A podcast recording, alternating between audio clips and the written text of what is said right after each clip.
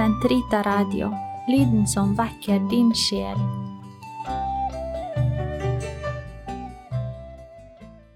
Kroppens teologi, en kommentar til pave Johannes Paul 2.s onsdagskatekeser av Eirik Ambrosius Stenhoff. Totus tuus ego sum, et omnia mea tua sunt, archipio te in mea omnia, prebe mi cor tum Maria.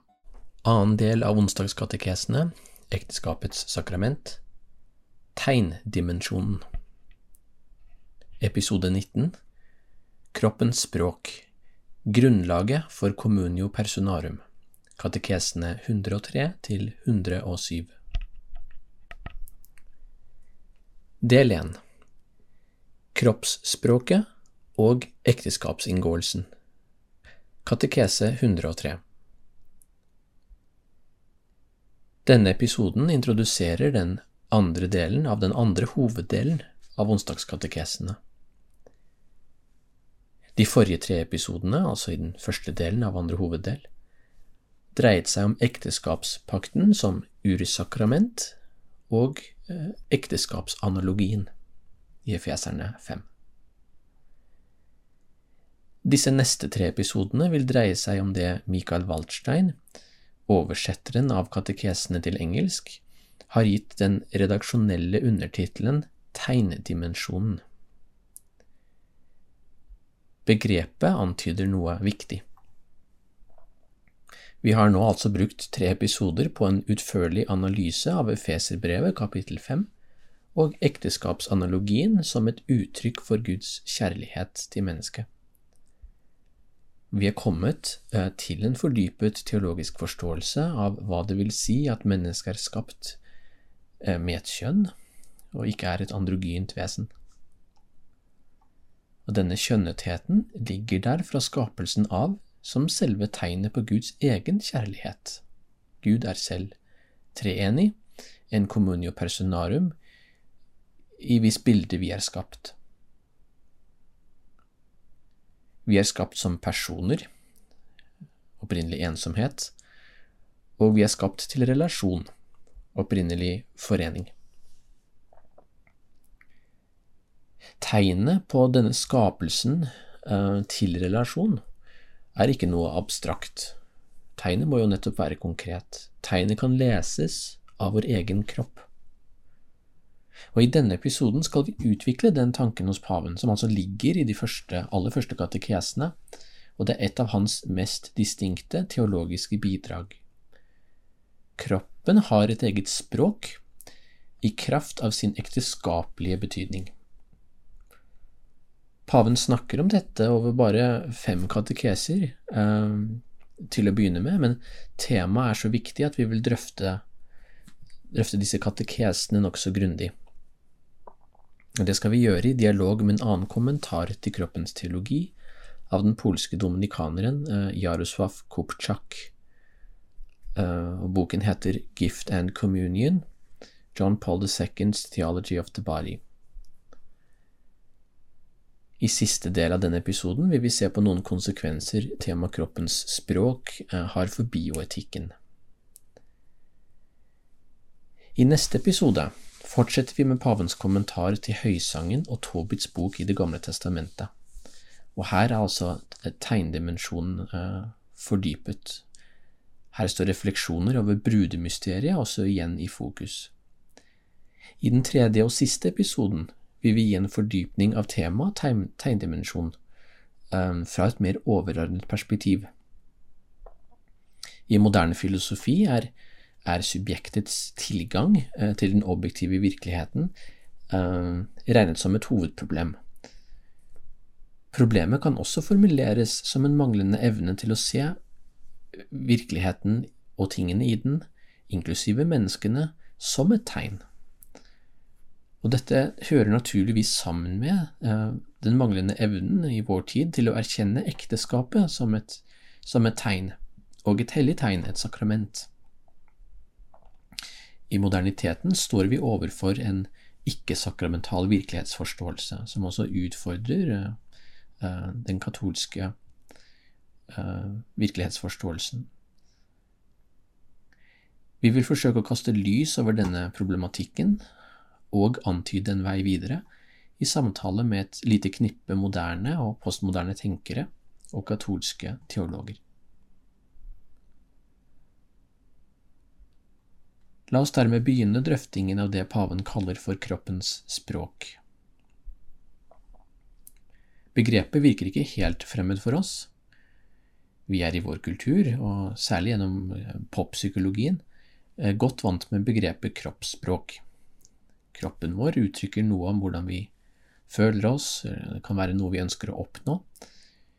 Vi uttrykker det gjennom symbolske handlinger og tegn og gester.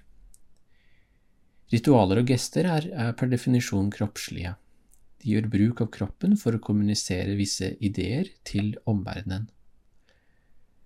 Jaroslav Kupchak påpeker i sin bok at selv om kroppsspråk eh, naturligvis er en eldgammel praksis, er det akademiske studiet av ikke-verbal kommunikasjon noe ganske nytt. Han siterer den amerikanske psykologen Philip Zimbardo, som definerer ikke-verbal eh, kommunikasjon som sitat, enhver kommunikasjon som ikke utelukkende hviler på ord eller ordsymboler. Ikke-verbal kommunikasjon har ifølge Zimbardo tre dimensjoner – ansiktsuttrykk, kroppslige gester og til slutt ikke-språklige lyder som endret toneleie, nøling, latter, gjesp osv. Og vi vet jo f.eks. for eksempel hvor virkningsfullt det menneskelige ansiktet er uh, i å kommunisere visse betydninger til verden omkring. Vi kan himle med øynene for å uttrykke misnøye eller oppgitthet.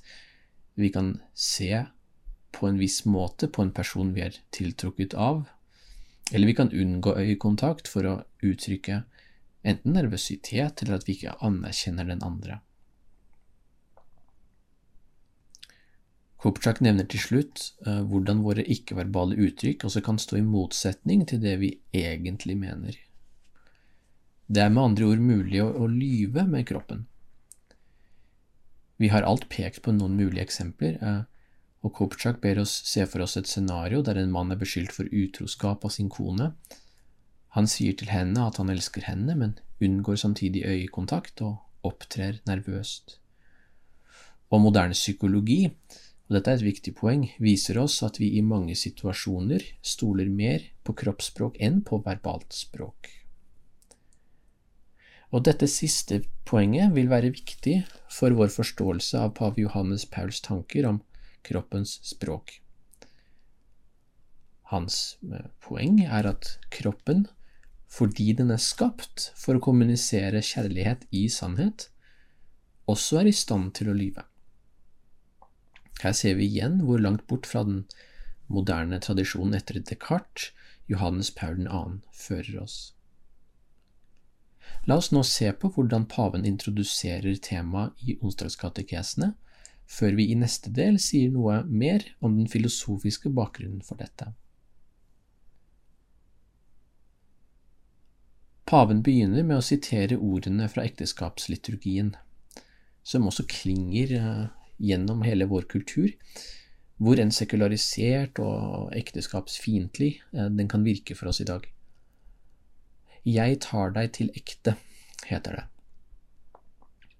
Og videre, jeg lover å være deg tro og bli hos deg i gode og onde dager, inntil døden skiller oss ad. Dette er altså den norske oversettelsen av det katolske ekteskapsritualet. I de foregående episodene så vi på Efeserne 5 og den teologiske begrunnelsen for ekteskapet i den nye pakt. Nå ser vi altså på det konkrete ekteskapet, og i første omgang hvordan liturgien gir et uttrykk for hva ekteskapet er. Ekteskapsinngåelsen er en liturgisk handling med en helt bestemt form.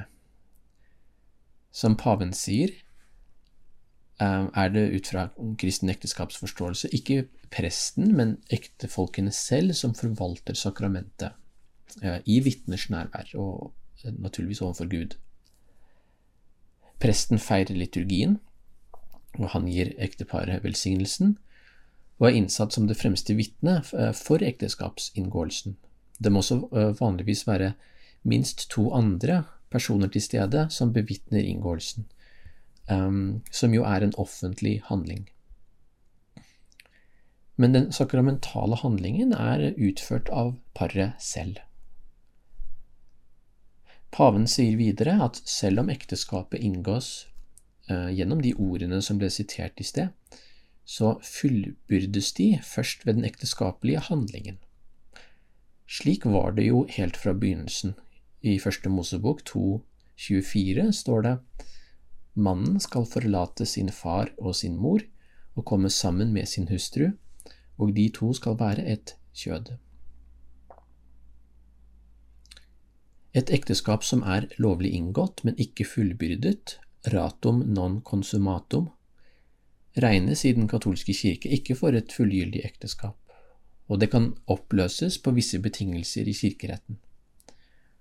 Og her kan det i parentes bemerket eksempel være tale om ekteskap som bare har blitt inngått for å kunne emigrere til et annet land. Denne nødvendige sammenhengen mellom ord og handling i ekteskapsinngåelsen viser oss noe avgjørende viktig. Vi ser at mannens og kvinnens løfte om å komme sammen til et kjød også må uttrykkes i deres liv og gjennom kroppen. Ekteskapet er et sakrament, et tegn som formidler Guds nåde. Ordene er en uløselig del av det sakramentale tegnet, sier paven, men på to eh, litt ulike, distinkte måter. Ordene er vesentlige ikke bare gjennom det de er et tegn på, men også med det de er et tegn på. Med andre ord, ordene opptrer ikke bare som et uttrykk for en intensjon vi har. De må realiseres i objektiv handling. Denne Sammenhengen kan vi egentlig bare forstå ut fra det paven kaller for kroppens ekteskapelige betydning. Og vi har sett hvordan kroppens eh, maskuline og feminine karakter peker på det faktum at vi er skapt for forening. I begynnelsen kom mennesket til en erkjennelse av denne betydningen, en, en, en bestemt bevissthet om kroppen.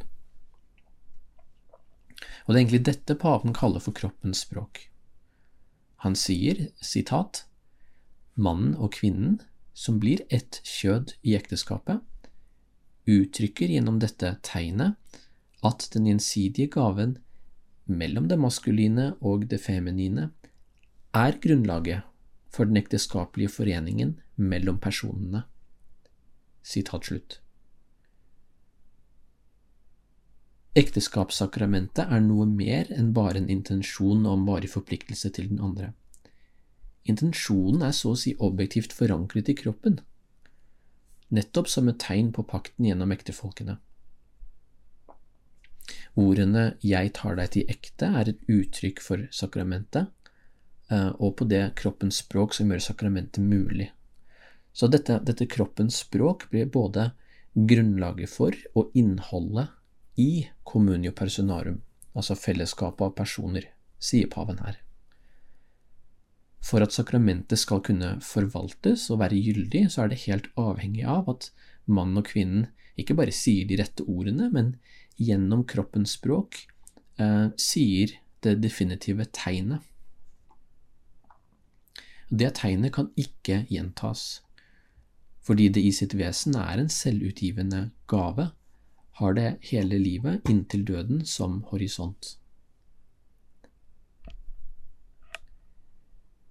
Den sosiale og juridiske forståelsen av ekteskapet som en kontrakt har noe av dette aspektet ved seg, sier paven. I henhold til en slik forståelse får ekteparet et, en sosialt anerkjent status som et par, og det blir grunnlaget for en ny familie, som jo er en av en, en, en kjernene i samfunnet. Men den teologiske forståelsen av ekteskapet som et sakrament begynner altså med tegnet som tolkningsnøkkel. Og ekteskapspakten er først og fremst en overnaturlig pakt, som trenger Guds nåde for å kunne realiseres. Og dette peker oss tilbake til Feserne 5, som viser oss at ekteskapet er et uttrykk for den mer grunnleggende pakten Gud har inngått med mennesket, ja, som han har villet for mennesket fra før verden ble skapt. I neste del fortsetter vi kommentaren til pavens katekeser, eh, og vi skal også se på noen av de filosofiske forutsetningene hos paven, altså hos Karol Wojtyła, eh, for det han kaller for kroppens språk. Gloria Patri et Filio et Spiritui Sancto, sicut erat in principio et nunc et semper, et in saecula saeculorum. Amen.